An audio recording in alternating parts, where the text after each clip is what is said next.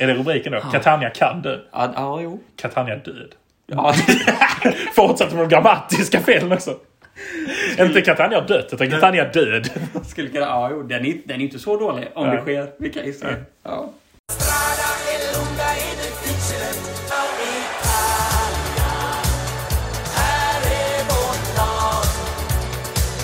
Då säger vi hjärtligt välkomna till avsnitt 56. Det andra avsnittet av Francesco Lodi-podden år 2022.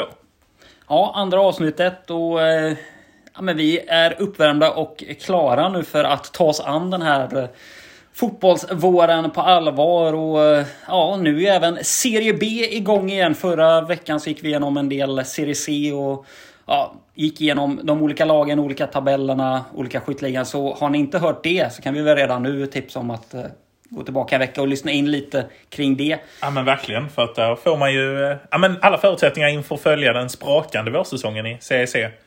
Men en vårsäsong som kanske blir ännu mer sprakande är ju den i Serie B.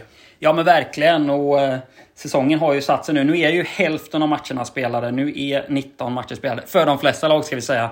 Det är några lag som har spelat 18 och eh, stackars jumbon eh, Vicenza har ju bara spelat 17 matcher hittills och 7 poäng.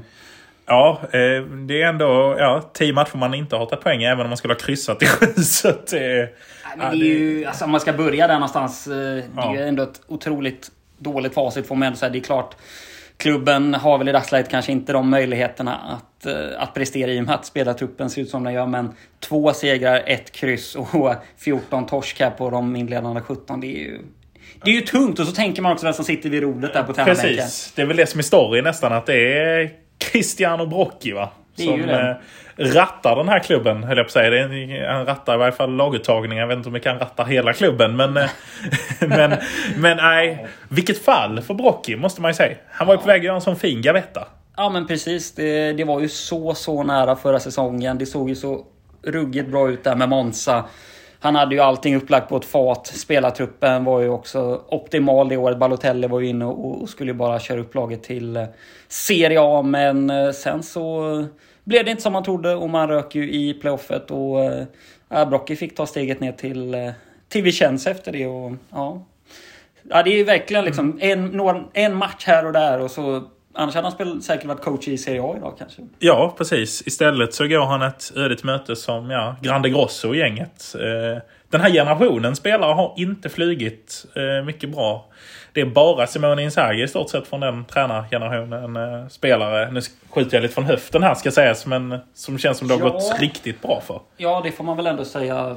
Man kan ju flika in Gattuso om man vill. Absolut. Det är väl en liten vattendelare såklart. Men om man ska se det på, på det sättet, absolut Simone Inzaghi får man väl ändå hålla med om som ju varit en... eh, Han leder ju Serie A, så att han kan vara extremexempel. Det behöver man inte göra, men... Eh, Nej, men precis. Nej, men man får hålla med. Vi har ju... Om vi nu ska bara koppla greppet över, bara som en liten inflikning till Serie A så har vi sett Shevchenko till exempel som ju inte fick lång tid på sig där i Genoa innan han eh, fick gå. Och ja, Han började också svagt som sagt med att säga att laget ändå platsar i Serie B. Det är ju någonting med den där typen av uttalanden och bara liksom håna laget direkt och liksom en match och säga att nej, det här laget är, ja. det, de platsar inte i Serie A så borde spela i Serie B. Shevchenko gick Mourinho som Mourinho är nu för tiden. Skillnaden var att Mourinho kan göra de uttalandena för att han har vunnit ett par titlar tidigare i karriären om man säger så. Eh, Men Shevchenko kommer direkt in i sitt första tränuppdrag i Italien och fullkomligt slaktar sin egen spelartrupp. Ja, och jag menar om vi då ska komma tillbaka till Serie B här så kan man ju säga att om, man, om Shevchenko skulle säkert kunna få ett jobb i den här serien nu i Serie B. Oh ja. Men då får man ändå säga att han går från ukrainska landslaget och skördar ändå ganska stora framgångar där får man ju minst sagt säga med en kvartsfinal i EM till Genoa. Testa lyckan ändå. Han, han vet ändå att det, det är väl nu är jag lite dålig i huvudet här på hur det gick för dem i, eh, i kvalet där. Men eh, de har väl i alla fall fortfarande en chans till VM. Det är väl playoff. för dem Ja, Shevchenko. där. Ja, oh ja. Ukraina, de är absolut i playoff. Så att, är vi det, långt ifrån Serie B men... ja, absolut. Men det, det får man vara ibland. Vi får Det, vara ibland. Ja, men de är i playoff och, och i alla fall en chans där till VM. Till Genoa, ta chansen där. G- Går åt fanders och nu eh, kanske det är Serie B vi hittar näst. Ja, nästa. precis. Vi kanske återkommer till Genoa lite senare och Shevchenkos Ja, äventyr. det- De är svåra att runda i dessa dagar. Men, Så är det verkligen. eh, men nej, Vicenza ligger eh, toksist i den här serien. Eller toksist. Pordenone har ju gått nästan lika uselt. Ja, precis. Som ju förra året gick strålande och var ju på positivt playoff uppåt. Eh, och har igår inte alls fått det att fungera. Så att, eh, nej, det är väl kanske inte riktigt lika överraskande. De har ju ändå tappat en del spelare inför den här säsongen, men utöver det så har vi där, däremot en betydligt större skräll i att eh, Crotone ligger på en Precis. 18 plats i år. Med 11 poäng inspelade bara på 18 matcher. Ja, herre Jesus höll jag på att säga. Det ska man kanske inte säga. Men eh, nej, det är ju det är total eh, kollaps för Crotone som ju var uppe bara för några säsonger sedan här och sprang i Serie A. Eh, Nej, tuffa tider för Crotone. Ja, och man kan ju åter, vi, vi nämner ju nästan alltid när vi pratar om Crotone, men man tappade ju Junior Messias och man tappade ju Simmi. Det var ju två spelare som verkligen eh, gjorde skillnad där. Nu har man ju inte fått in någon förstärkning där. Vi har Cargbo på två mål, Borello på ett mål. Jovara har inte gjort något mål framåt till exempel, så man har ju problem med att sätta bollarna. Precis, och Simmi på väg ner i Serie B var man inte till eh, Pordenone, eller till Pordenone, till Crotone ska jag säga. Pordenone är väl inte på väg förhoppningsvis. Nej, man har ändå gjort 20 mål ska sägas, men det är klart att en sån typ av striker som Simmi till exempel. Och inte minst Junior Messias. Herregud vad han flyger i Milan. Ja, verkligen. Kul när eh, spelare flyger på äldre dagar, Ja. måste man ju säga. Men eh, ja, det är väl det man kan säga om botten. Eh, Alltså den absoluta botten. Absoluta sen, sen finns det ju mycket mer annat att säga om den det finns det. de, de, de platserna bara tätt Precis. ovanför Men jag där. tänkte om vi börjar där med liksom botten där. Ska vi ta oss an själva toppen och sen så kan vi ge oss på kanske den mest negativa överraskningen som vi varit på och pillat på en del under hösten. Men vi kan ju återkomma till allas precis. Parma. Men eh, vi kan ju börja med toppen där Pisa flyger. Pisa flyger verkligen. De leder serien på 38 poäng. Senast förlust mot Frosinone hemma. Men innan dess har man ju varit briljanta under eh, höstsäsongen och eh, nästan gått rent. Man har ju knappt tappat poäng på vägen. Det är tre torskar, fem kryss men resterande segrar. Och Ja, nej men det här såg väl ingen komma att Pisa skulle Nej. prestera på det här sättet den här säsongen. Nej, och kanske säger någonting om också att det är ju... Eh, ja, men långsiktigheten har ju faktiskt lönat sig för Pisa. Och åtminstone på tränarposten har man ju haft Luca D'Angelo som sitter där som har suttit där sedan 2018. Vilket är, eh, vågar säga att det är nästan den enda i Serie B som har suttit så länge på sin post. Ja men verkligen. Och som lag har ju Pisa studsat från mellan Serie C och Serie B och, och sällan varit uppe och hotat. Så det är väl som du säger att den här eh, kontinuiteten eh, verkligen eh, spelar roll här. Och Han tog ju upp dem också till Serie B, ska sägas. Det ska man säga. Och jag skulle säga också att han inte haft några större uppdrag förutom Rimini tidigt 10-tal där när de var lite mer på gång än vad de är idag. Och, och spelarkarriären ska vi inte ens prata om. Det San Marino avslutar han i. San Marino avslutar det. Klubblaget San Marino. San Marino, jajamän. Eh, Ja, nej, men eh, väldigt, väldigt eh, överraskande. Väldigt, väldigt positivt för deras del såklart och i väldigt oväntat får man ju säga. Det är ju ett intressant bygge det här som ju första gången grundades 1909 och som ju sen två perioder har fått eh, börja om och, och helt enkelt eh, kommer i ny skepnad. Eh, Man kan ju säga det att laget har väl aldrig egentligen varit en, ett lag för, för toppen eller för eh, den övre halvan ens i Serie B. Man har tre sessioner i Serie A, den senaste 1990 där, men och då hade man ju också, ska jag tillägga, bara en spelare som Simeone till Ja, exempel. och då får man ju också förstå lite tidsperspektivet att det var ett par år sedan. Det Ja, är, verkligen. det är 32 år sedan nu man huserade i, i Serie A. Ja, och det... Det hade ju betytt så mycket för det här laget och det är ju en, det är en häftig plats. Pisa får man ju säga utöver landmärket eller utan det tornet såklart. Så ja. är det ju en väldigt härlig stad får man säga för, för en som besökte. Och det ligger ju, man kan ju säga att arenan, Arena Garibaldi där som tar 25 000, ligger ju nästan ett stenkast bara från lutande tornet där. Och, Ja, riktigt härligt. Det är också där jag berättade tidigare på den här när man har de här magiska husen, eh, hyreshusen där bredvid där man har balkonger som man kan kika in till matchen. Otroligt fint. Ja, just det. Och Garibaldi, kungligt namn ju på arenan får man ju säga. Det är- Garibaldi som enade Italien. Precis, eh, som ju finns som gata i nästan varenda stad i Italien. det. Eh, Men som sagt, det har ju varit tyngre år och man har ju varit eh, nere och kämpat i C2 bland annat där från 96 innan man fick Serie B-status igen 2007. Eh, Ska jag säga att efter det så har det varit väldigt mycket upp och ner där mellan Serie B och Serie C. Två säsongen 2010-2011 blev man, eh, återigen, fick man återigen ett nytt namn, AC Pisa 1909 där. Eh, Och har sedan dess som sagt ja, men haft en väldigt jojo-stämpel på sig i de här nedre serierna. Kan ju också bara flika in att man 2020, 2002 eh, fick eh, den väldigt eh, intressanta affärsmannen Mauricio Mian som ägare för klubben. Och han skulle ju då ha sin tyska shepherd dog Gunther den fjärde som, vad säger man, honorary president. Just det. Ja, Hederspresident, ja. är det ja. Och det, ja. En väldigt intressant eh, figur den där Mian som ju sen har lämnat över rodret och... Tur kanske det. Ja, det får man väl säga. Och nu är det en man vid namn Alexander Knaster som ju, eh, som ju håller en brittisk biljonär Ja. som ju rattar laget. Så där har man ju lite att Mm. gå på i alla fall. Får vi säga. Och över till spelartruppen då. Vad är det vi har för lag Ja, som- det är ju inte jättenamnkunnigt om man tänker så. Det man tittar som man kanske känner igen sådär spontant och det du ändå känner igen eh, inom citationstecken. Det är eh, gamla spelare som vi känner igen från Serie A är ju eh, Caracciolo i backlinjen. Eh, har bland annat Fina spelat. Serie A med, precis, Brescia. Eh, har han gjort Serie A med Brescia? Nej, han har gjort Nej. gjort Serie B med Brescia, gjort Serie A med Hellas. Hellas. ja, precis. Och på tal om Hellas så är målvakten Nicolas också ju. Den gamla reservkeepern från Hellas som fick stå en säsong under... Eh, eh, ja, eh, när de var uppe där och totalt brakade ur igen eh, Hellas den säsongen. Mm. Eh, Då var Caracciolo för övrigt i backlinjen. Eh, det är en härlig duo. Man kan också flika in gamle, gamle fin Blåvitt-bekantingen där Hermansson i backlinjen. Just det. Som ju också varit i Bröndby.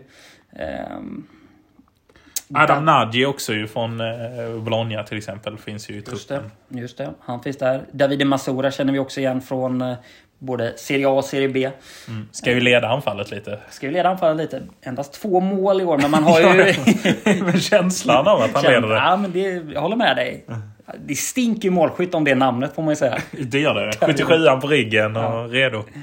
Eh, nej, men ett intressant bygge minst sagt. Uh, får man ju säga. Och där har man ju verkligen kunnat gå runt bra på, eh, på, på gubbar som gör mål även eh, på bänken. Men det är ju det är inte, inte det namnstarkaste laget. Det är ju inte, det är inte den truppen heller som man kanske tror ska ta steget. Nej, precis. Eh, Pisa också. Eh, ja, men denna toskanska klubb är det va? Så jag inte får hela eh, region Italien mot mig. Men det är väl Toscana på Pisa. Stämmer, stämmer, stämmer. eh, närliggande till Livorno, Livorno till, jag till exempel. lika nämna som Pisas hamn. Precis. Eh, eh, historiska rivaler, Pisa och Livorno, eh, som städer. Eh, och, ja. Mm. Fint lite sådär... Lite derby i skymundan i eh, seriesystemet mellan Pisa och. Ja, och kanske eh, ska vi lansera ett svagt smeknamn. Men jag tänkte Kevo när de gick om Hellas så var det ju de eh, flygande östnorna. Nu har ju Pisa gått om Livorno här. Är det det flygande tornet i Pisa? Ja, men det får Ja. man väl säga. ja, vi får smaka på den. Men det, det kan sätta sig. Ja men det kan det absolut göra. Det här med lutning och sånt känns ju inte som att man kan få någon så här direkt positiv förankring Nej, nej. kring. Så att, eh, ja, Tornet det, aldrig varit rakare i Pisa. om det hade flugit kanske, vem vet. hade man kunnat. Ja, hur som haver. Det, det ser intressant ut för Inerazzurri som man ju går som, som även ett annat storlag i, i Italien gör eh, den här säsongen. Vi får se om det räcker. Det, det är ju alltid svårt med den här typen av klubbar att Ja. kunna avgöra hur det, hur det ska sluta. Och det är väldigt tajt i toppen ska vi säga. För tvåa hittar vi Brescia, kanske mer väntade att vara i toppen. Verkligen. 37 poäng. Tätt följt av Benevento, Cremonese, Lecce som har 35, 35 respektive 34 poäng. Och sen är det ju inte överdrivet långt ner heller till sjätte och sjunde placerade Monza på 32 och Frosinone på 31. Så det är en rafflande vår vi har att göra med. Och det är väl lite det vi har pratat om hela säsongen här eh, när vi har kommit till just det här årets Serie B. Det är, det är oväntat jämnt. Verkligen. Får man ändå säga. Man hade väl en kanske annan eh, prediction på den här säsongen eh, när det skulle dra igång. Att det var ett visst lag som vi ska återkomma till som verkligen skulle ta taktpinnen och sen skulle det kanske vara ett Brescia, ett Benevento eller liknande som följer med. Men istället intressant med både Pisa och även Cremonese som ju har en väldigt fin form här. Eh, Vunnit eh, fem raka matcher här så att... Eh, Ja, fyra raka ska jag säga. Precis, och placerar sig då på fjärdeplatsen. Vi kan ju, för de som inte är så vana vid Serie B, jag gissar att ni har koll på Serie B. Men ettan och tvåan går ju då direkt upp till Serie A och sedan så är det ju ett eh, kval mellan trean till åttan som gör upp om eh, de sis, den sista platsen helt enkelt. Det är alltid ett rafflande playoff. Det är alltid ett rafflande playoff. Och, eh, Där känslan ibland ofta är att det är nästan åttan som vinner oftare än trean. Det, ja men det är verkligen så. Nu minns jag inte i huvudet riktigt vilken eh, position Salernitana hade förra året där, men det var ju inte... är de tre? Det var inte tre, det var ju någonstans mellan fem och åtta där som man var. Så att, allt, allt, allt kan ju verkligen hända. Och ett lag som också verkligen lite tappat kraft även om man fortfarande är där och, och nosar är ju Monza som ju förra året eh, gick som tåget och slutade ju på en tredje plats där eh, förra säsongen. Då under nämnda Brocchi. Då under nämnda Brock, ja, som ju kanske då lite var ett misslyckande från ledningshållet där med Galliani och, och gubbarna. Men eh, nu alltså helt enkelt inte riktigt eh, kommit upp till samma nivå. Man har ju tappat Balotelli bland annat. Men, och även eh, Även Gytker då, då. Nej, han är kvar, förlåt mig, ursäkta. Men eh, han har inte heller riktigt presterat på samma nivå i år. Tre mål på 16. Så att, eh, Ja, de kan ha byggt ett stabilare lag den här gången. Ett tråkigare lag rent namnmässigt, eh, Monza. Men eh, kanske ett bättre fotbollslag om man säger så. Eh, prinsen är väl inte kvar heller va? Eh, Nej, precis. eh, utan det är ju ja, men det är lite mer de här klassiska gubbarna. Jag är ju min Juventus-koppling så kan jag inte undgå att se en gammal favorit, Luca Marone, i backlinjen ju. Det, ja, det är, ja, men han, och Luca Calderola ska vi säga. Calderola, oj, oj, oj. Man har ju däremot dragit in en ruggigt intressant gubbe nu. eh, Och det är Gaston Ramirez som har eh, anslutit Just det. här i januari. Gamla klassiska Gaston Ramirez. Gamla klassiska Gaston Ramirez. Eh, Fin både i Southampton men inte minst i Sampdoria. Verkligen.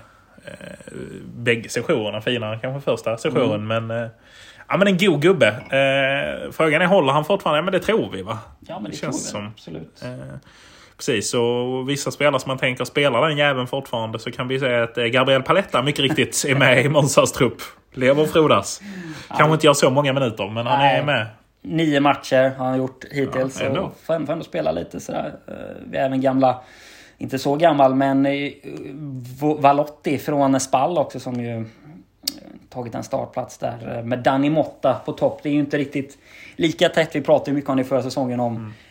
de här anfallarna och vem ska liksom flyttas på. Så nu är det väl ganska tydligt att eh, Danny Motta där, portugisen, får eh, chansen. Gjort sex mål hittills. Precis. Och det är ju Stroppa som är tränare ska vi säga också sen, sen 2021 då ju. Och, tränade ju Crotone innan och tog upp dem. Hade ju en lång session där ju och fick väl sparken här då ju, i, Mm. under förra säsongen Precis. i Crotone. Ja, så man vet att det ändå är en eh, gedigen coach som ju verkligen sitter på kunskapen för att kunna guida laget längre. Man kan förstå tränarskiftet. ja, men det kan man absolut göra. Eh, Det kan man absolut göra. Får också flika in att man har dragit in eh, Giulio Donati där inför säsongen. Det har vi inte pratat så jättemycket om. eh, Från, eh, som också varit i Mainz och liknande innan i... Så man bygger ju väldigt... Man, det är ju det som varit hela modellen från start. Att man ska få in rutin som helt enkelt ska göra jobbet och sen eh, ta det därifrån med lite andra intressanta spelare.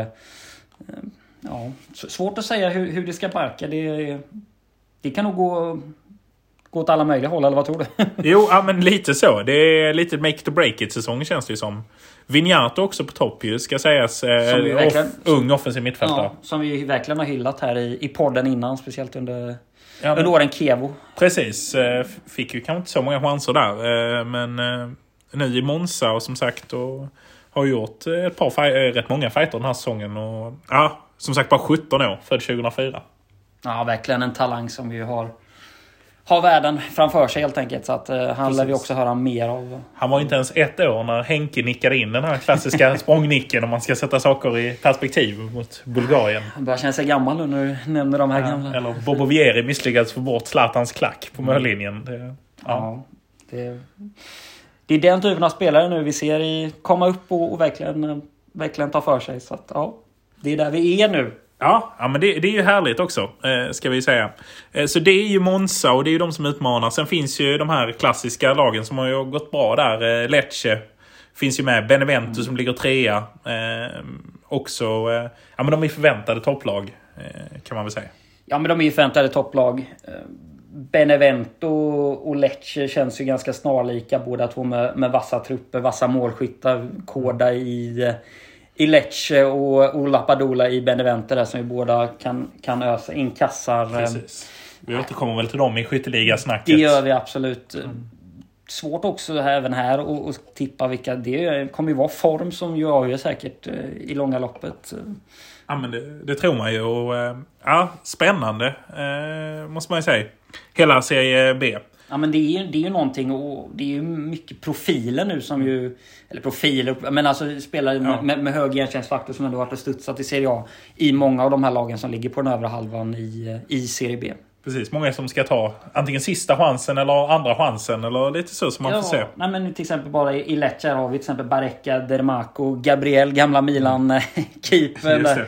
Calabrese som vi var i, eh, i Brescia och, och hängde ett tag. Ja, Koda inte minst då. Som ju, eh, och sen ska vi inte glömma att vi har en svensk där också. Björkengren. Just det. Johan Björkengren som ju tidigare varit i eh, Falkenberg. Han har ju faktiskt fått spela hela 11 matcher och gjort ett mål. Ja, fint. Eh, kanske något för Janne att ringa nu. Har ju haft lite försvarskris där i landslaget när Danielsson har varit fast i olika karantäner och liknande. Och. Helander varit skadad och så. Ja, nej men det... Ja, varför inte? Ja. Och i Benevento så har vi till exempel Letizia, Ionita, Roberto Insigne, brodern till, eh, till numera Kana-. Kanadaproffset där. Lorenzo. Ehm, För inte nämna eh, Marco Sau till exempel som man också har kvar där på bänken. Eh, Klassiska Marcus Marco Sau, Sorglig. Paris. Ja, Karriär. det- Ska inte fastna där, men, det var ju eh, väldigt fin karriär. Ja, det var han ju. Framförallt hade han en säsong när han nästan var sniffade på landslaget. Mm. Minns Jesper Husfeldt, då programledare för Club Calcio, la väl något så här bett att han var stensäker på att han skulle med i truppen där till kan det ha varit VM 14. Sen så, Mm. Och det var ju då säsongen 12-13 som han gör sin succé. Sen så helt iskallt 13-14. Och Calder är, ja, brakar väl ur också där. Så det väl, ja. Ja, det kan vända väldigt fort. Mm. Verkligen. Ja, men ska vi kasta oss över den heta gröten? Eh, totalfloppen den här säsongen. Parma Calcio. Ja, Parma Calcio som vi alla trodde så mycket om inför den här säsongen har ju verkligen inte presterat. Fem segrar, åtta kryss, fem torskar. Det resulterar i en 14 plats och 23 poäng, vilket ju ja, är helt... eh, ja, en, en riktig jäkla flopp får man ju säga. Det här Ja. var ju ett lag med den truppen man besitter. Med Buffons Ritorno, med den Serie A-rutinen man haft. Man bara trodde ju de bara skulle dominera. Mm. Ja, ja. Vasquez, eh, som vi nämnde här tidigt, eh, snabbt innan. Franco Vasquez som man tog in också inför säsongen. Tungt namn som ju spelat på väldigt hög nivå. Precis. Inte så att han på något sätt har liksom varvat ner. Det var ju ändå giv, alltså en startspelare i Sevilla. Oh ja, Roberto Inglese som visst har dratt med sina skadesproblem har väl nu blivit, eh, kommit tillbaka och börjat hitta formen någorlunda i december. Men eh, alltså det är ju spelare som man förväntar sig så mycket mer av. Ja men verkligen. Och den ändå satsningen på något sätt som man, som man gjorde här redan förra säsongen och i och med att man ändå kunnat hålla truppen så intakt med bland annat de här spännande rumänerna och liknande som har, som har stannat. Och så, så, ja, det, det är väldigt oväntat eh, hur, det kan, hur det kan gå till så här. Men Ja. det är ju det som är charmen med fotbollen också. Att Ja. De här jättarna, de, det är svårt i andra divisioner. Ja, det är det. det är inte bara att ställa in Nej. skorna. Utan eh, nej, nu är det hårt jobb som gäller. Och då har de kanske rätt tränare på bänken. Tog över här eh, tidigare under hösten, eh, Beppe Jacchini. Men ja, det är inte så att det har varit en flygande start för honom. Nej, verkligen inte. Utan väldigt mycket upp och ner. Nu har man ju i slutet av förra året här ändå kravlat ihop fem poäng på, på tre matcher. Det är väl inget dunderfacit sådär, men man har ju börjat komma igång. Och, Är man i bottenstrid så är det viktigt. Ja, och det är ju bara att börja vinna nu här. Och imorgon då den, så när vi spelar in det här är det den 20 januari och imorgon då den 21 januari så spelar man ju nästan en typ av ödesmatch eh, för hur den här säsongen ska gå hemma mot Frosinone. Det blir Precis. ju När den här podden släpps kan vi ju Mm. säga. på Tardini. Så den blir ju ruggigt intressant den matchen för eh, Parmas vidkommande framöver. Mm. Ja men verkligen. Det, det gäller att, eh, att hålla i hatten där för att det, det kan avgöra. Och som sagt ner till Alessandria på eh, negativt kval så... Ja, det är inte hur många poäng. Det är fem poäng ner. Det är fem poäng ner. Det är, det, det är verkligen så att det kan ju, om det vill sig riktigt illa här nu, bli... eh, Samtidigt som det är sex eh, poäng upp till positivt kval. Vilket innebär att det är, eh, ja, man brukar kalla en sexpoängsmatch om det är där man antingen kan ta in eller ligga efter sex poäng i en serie. Det är inte riktigt samma läge här men däremot en förlust så är det bara att titta neråt. Eh, seger så är det bara att titta uppåt. Lite så. Precis, men det är ju det. Så att, eh, ja, mycket som avgörs här hur det ska barka helt enkelt. Eh, Elvendal i tränarstaben har ju Mm. fått överleva trots att Iacchini klev in. Ja, ja men det, det vet jag inte vad man ska säga om egentligen. Det, Tänk om de skulle öka ur med den här truppen. Det, det, ja. Ja, vad blir konsekvenserna Ja, av det, det då? haveri. Man har ju även han Kraus, eh, den amer- amerikanska investeraren som ju gick in här och verkligen skulle skulle vända på det och, och så, men det har ju inte alls... eh, Börjemans felrekrytering och skeppa Roberto D'Aversa och ta in eh, Liverani. För att sedan ta tillbaka D'Aversa, vilket ju bara blev ännu värre. Alltså, ja. En ond spiral där. Det, men det kanske har varit också det att eh, det har varit tvivelaktigt från start här med, med Kraus också. Jag vet, vi nämnde ju det från början när han satt med, med datorn där och, och, och, och, tjötade till fansen och, och sådär. Pratade om socker och grejer. Ja, det Nej, Nej. det är kämpigt för Parma. kämpigt. Ett lag som också har det kämpigt den är EU Spal som ju eh, också inte är nya för serien. De åkte ut redan för två säsonger sedan här och de parkerar ju faktiskt eh, en position lägre än Parma. De ligger på 15 plats, 21 eh, poäng inspelade och Spal är ju i grund och botten inget lag som är ett topplag men man har väl blivit lite lurad, eh, eller topplag, men ett, ett, ja, men ett bra lag i Serie B. Men man har, har väl blivit lite lurad av de senaste årens framgångar. Ja, men det har man nog blivit, känns det som. Och mycket hängde ju på eh, deras tränare, känns det ju som i efterhand. Eh, var allas eh, Semplici, som ju sedan räddade kvar Cagliari i försäsongen. Eh, nu eh, kontraktslös. Eh, kanske någonting att fundera på att slå en plingeling till. Verkligen, verkligen. Det, det skulle nog behövas. Man har ju inte riktigt eh, flygit här nu under Venturato.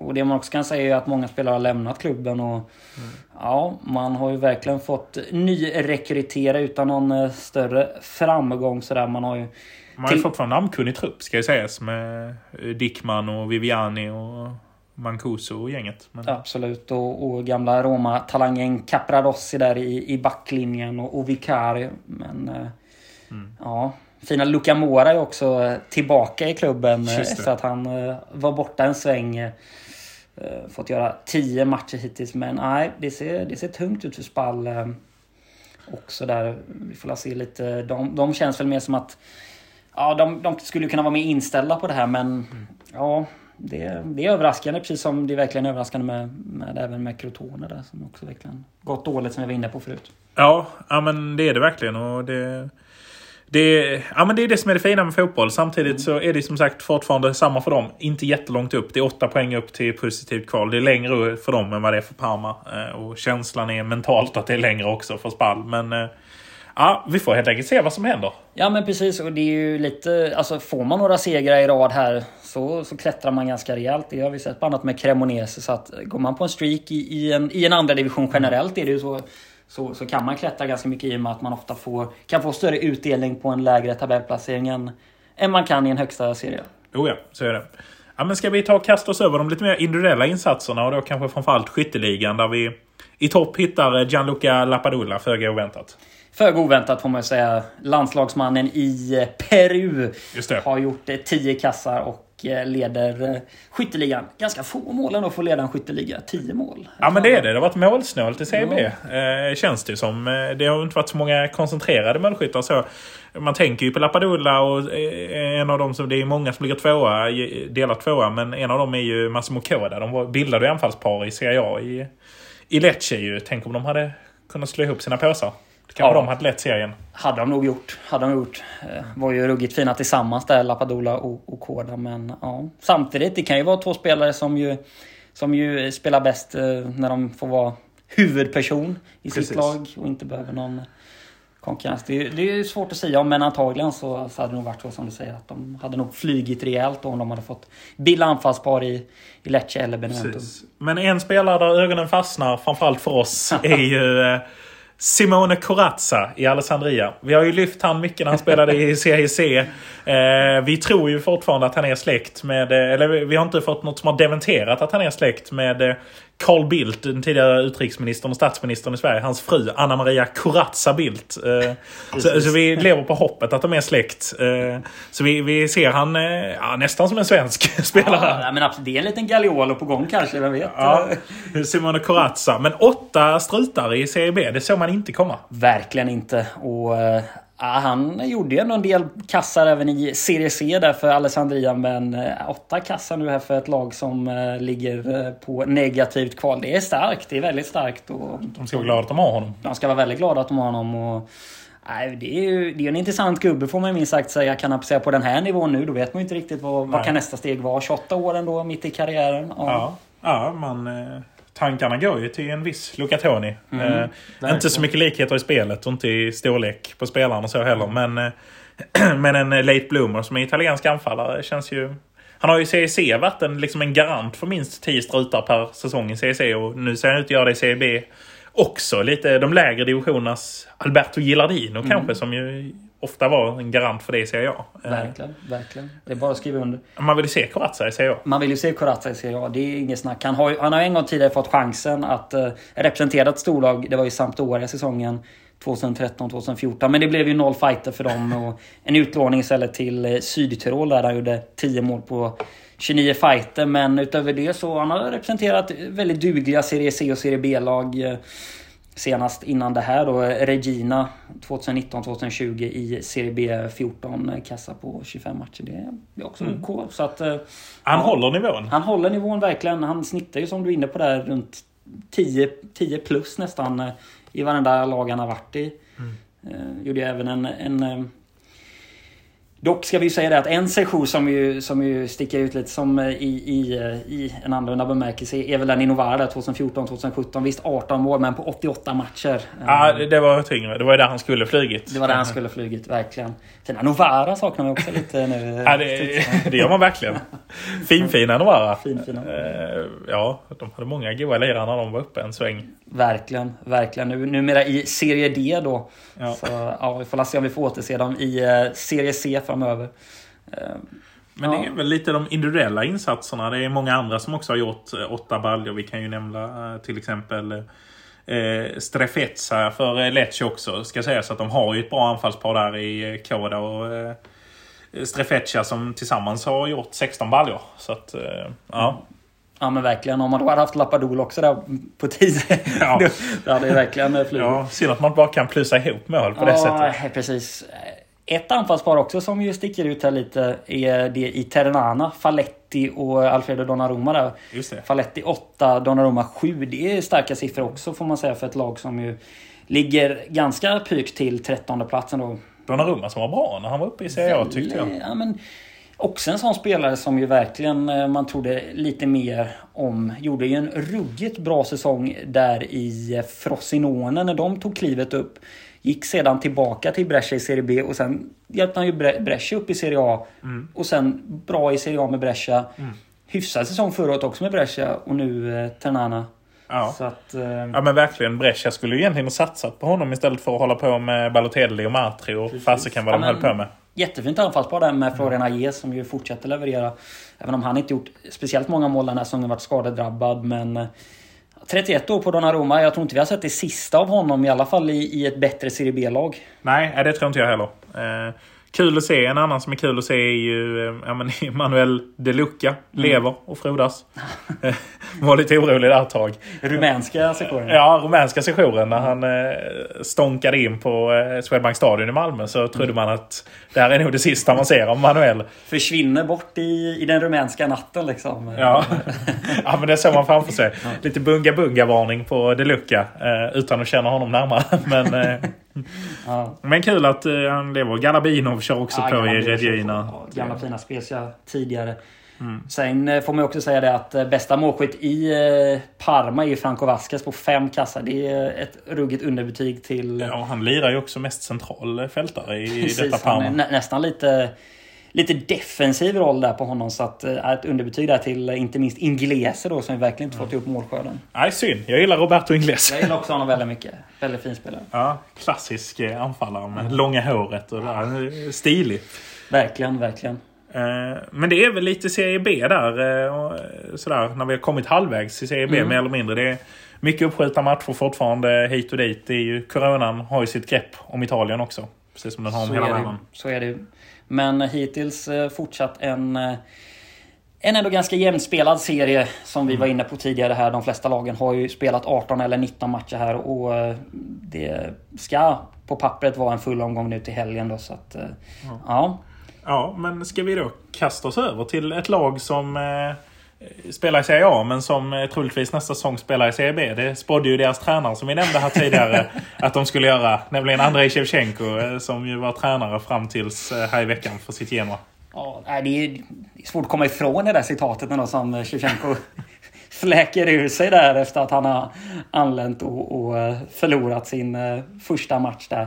Nej, men han fick ju gå efter eh, den senaste torsken där mot eh, Milan i, i kuppen. Sen fick eh, stabsgubben, jag vet inte vilken roll han hade, Konko, tidigare spelare i Genoa, fick ju gå in och, och ratta då mot Fiorentina här. Det blev torsk med 6-0. Precis, och alla trodde var på Labadia de skulle ta in. Eh, kanske Ballardini tror jag hade varit den bästa lösningen att hämta tillbaka. Men det blev någon helt annan. Det blev någon helt annan. De namnen du säger där är ändå intressanta. Labadia med en väldigt fin eh, tränarkarriär i, i Tyskland. Där. Kanske de hade svårt att lösa honom ska sägas. Ja, jo, precis. precis. Eh, nej, det blev ju en helt annan gubbe. Det blev ju en man vid namn Alexander Belesin. Som eh, senast kommer från en eh, minst sagt svajig sejour i belgiska Ostende. Ja precis, man tänker ju Alexander vem? Eh, men eh, så ser man att de köper loss han från Osten. Då tänker man, är det någon som har tagit belgiska ligan med storm? Nej, det är bottenstrid på Ostender. Det är en, eh, det är en bottenstrid på Ostende. Avslutad med en 4-0 förlust. Ja, 4-0 torsk där innan, innan nu han lämnar skeppet och, och får ratta Serie A-klubb istället. Ja, så kan också en tränarkarriär se ut. Eh, är väldigt märkligt att man går på det, på det spåret får man ju säga. Så inte nog med att de just nu sitter med fyra tränare på lönelistan eh, just nu. utan dessutom betalar man eh, för att köpa loss sin nuvarande tränare från ett kontrakt. Pengar är man beredd att spendera på tränarposten i varje fall. Det är ju, det är ju nästan eh, sjukare än det som till exempel Samparini har hållit på med i, eh, i Palermo i stunder. Det här är ju... Det, det känns ju inte som att det här kommer bli lyckat med Bellesin. Det, det kan ju inte bli ju det. inte bli lyckat. Så man undrar ju verkligen vad eh, Preciosi och gubbarna där har för sig. På, på de högre positionerna. Ja, alltså det är ju... Ja, man ligger på 19 plats ska jag säga med 12 pinnar. Eh, ja, inte jättelångt upp. Det är 6 poäng upp till säker mark på Venezia. Eh, Venezia som är något mindre spelad. Eh, men fortfarande. Ah, herregud, som det har sett ut. som det kommer nog se ut. Nej, men det är ju, de har ju varit bedrövliga den här säsongen eh, rent eh, spelmässigt också. De matcher man har sett med Genoa har ju varit... De har varit ut, utspelade verkligen. Det, man har... Man har helt enkelt inte fått igång laget. Det här ryktet som var nu gick, nu gick ju Piontek till, eh, till Fiorentina där men det ryktades ju länge om att han skulle återvända och det hade ju ändå kunnat vara en viss injektion. Han och Destro hade varit fina på topp. Mm, verkligen, verkligen. Så att... eh, Ja, nej, det svårt att se att man ska lösa det här. eh, Visst, eh, det är som du säger inte så många poäng upp, men samtidigt de här lagen Spezia, Venezia, Cagliari, de vinner ju sina matcher liksom titt som tätt. och- Spezia har ju börjat leverera stort nu under Thiago eller stort, men de har börjat vinna matcher under Thiago Motta. Och, eh, ja, Cagliari har ju vaknat från de döda. Verkligen. Inte minst häpnadsväckande som du först var inne på det här med Spezia som ju verkligen har tappat det mesta egentligen från eh, förra säsongen med Italiano. Där. De var ju verkligen utdömda från start den här säsongen med Salernitana i botten. Och Cagliari då som också varit upp eh, lite fart här och vunnit matcher. Ja, nej. Nej, det, det ser tungt ut för Genoa. Ja, det är som sagt bara Salernitana som gått sämre. Men de har ju också haft en ägarsituation som har varit som den har varit. Eh, Nu löste ju den sig ska vi ju säga, där det kom in en annan ägare till sist i sista sekund. Annars kunde de ju blivit, eh, fått spela klart men blivit diskade direkt efter säsongen. Men Colantuano kämpar på med sitt lag där. Eh, Ja, det är väl tur för Genoa att just de finns där. Ja. Annars eh, hade Ja. det nog sett tungt ut. Sen kan man också De är bara två poäng bakom också. Ja, de är också bara två poäng bakom. Men, och sen ett lag som Venezia som ligger på 17 där. De får ändå in de här stjärnnamnen. Nu var det Nani som anslöt här och man har ju redan till exempel Romero i klubben. Så att, ja, det, sen samtidigt Sampdoria och Udinese det är sådana lag som ju säkert kommer eh, rycka upp sig. Det har vi sett tidigare. De har ju varit i den här typen av situation innan. Precis. Och ja, Sampdoria, den andra Genoa-klubben, kan vi också nämna kort. De har också gjort ett tränarskifte nu. Eh, där ju Roberto da Versa, som vi har inte haft något lyckat sista år, da Versa. Och, eh, fick sparken här. De tog in eh, ja, någon assisterande som fick guida dem mot Juventus. Och de totalt... Nu ska jag säga att Juventus gjorde kanske sin bästa match för säsongen. Men eh, det berodde också mycket på det motståndet. för Sampdoria föll totalt platt i veckan här i Coppa Italia. Och, men nu är Gianpaolo tillbaka. Gianpaolo är tillbaka. Det känns ju ruggigt spännande och nu lär väl skutan vändas där. Det man kan säga jämfört med Genoa här är ju att Sampdoria har ändå sett ganska fina ut på plan. Trots att man Oh ja. förlorat en hel del matcher. Man Candreva gör en av sina bästa säsonger på länge. Verkligen. Och eh, Gabbiadini. Gabbiadini inte... Ja, det, är, det är gubbar som verkligen eh, presterat. Caputo har ändå fått in en del Ja, kassar. precis. och- Får man igång Quagliarella också. och En av Quagliarella och Caputo, eller bägge två, och switcha runt på dem bredvid Gabbiadini så kan det ju faktiskt lyfta på riktigt. Verkligen. Och truppen är alldeles för bra för att ens, för att ens prata om att uh, ryka. Så att, eh, ja. har ju ryktat att de rycker i Sensi också och får in honom. Mm. Eh, får se om de får det eller om eh, Inzaghi sätter stopp där. Men, eh, men annars så skulle de få in det på mittfält. För de behöver kreativitet där och så har en Candreva på ena kanten och sen så köra liksom en Quagliarella Gabbiadini eller en Caputo Gabbiadini på topp. Så. Ja, men det är ju ett bra mittfält med, med Rincon där och, och Torsby som vi redan säger och som du säger Kandreva och Gabbiadinus. Ekdal finns kvar. Ekdal är ju kvar också i klubben. Eh, får se om Sensi räddar sig, räddade sig själv kvar inte. Jag vet inte själv vad han... Han borde ju kanske vilja få den här lånet. Mm. Den här flytten till Sampdoria. Visst han gjorde mål i, i Coppa Italia igår mot, Mm. eh, mot eh, Empoli där 3-2 men... Men med Gianpaolo så skulle, känns det ju tryggare att gå till Sampdoria för de kommer bli ett mer spelande lag. Sen får man se. Verkligen, verkligen. Gianpaolo har inte heller haft eh, bästa sista åren här nu bakom sig. Så att, Nej.